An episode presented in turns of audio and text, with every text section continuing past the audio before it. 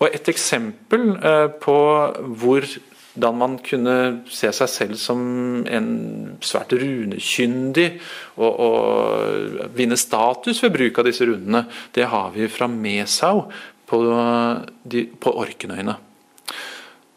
På Orkenøyene så er det altså en uh, stor gravhaug fra steinalderen som en eller annen gang på 1100-tallet uh, skandinaver brøt seg gjennom og inn i gravkammeret og må ha oppholdt seg der over lengre tid.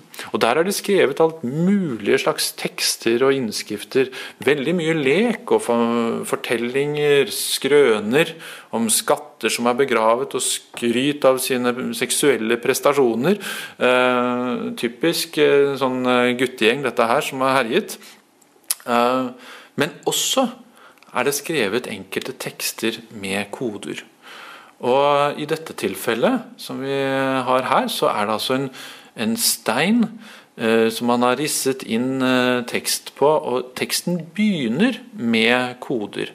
Disse samme kodene som bygger på tredelingen av runealfabetet, hvor hver rune ble angitt av et tegn bestående av streker istedenfor seg selv. Og Den første delen av innskriften er rett og slett, rett, rett og slett disse runer. Og Så fortsetter det med vanlige runer. Disse runer skrev den mann som er mest runekyndig vest for havet. Så han viser, ved at han bruker koder, at han er svært kompetent innen runebruk, og betegner seg selv altså som den mest runekyndige vest av havet.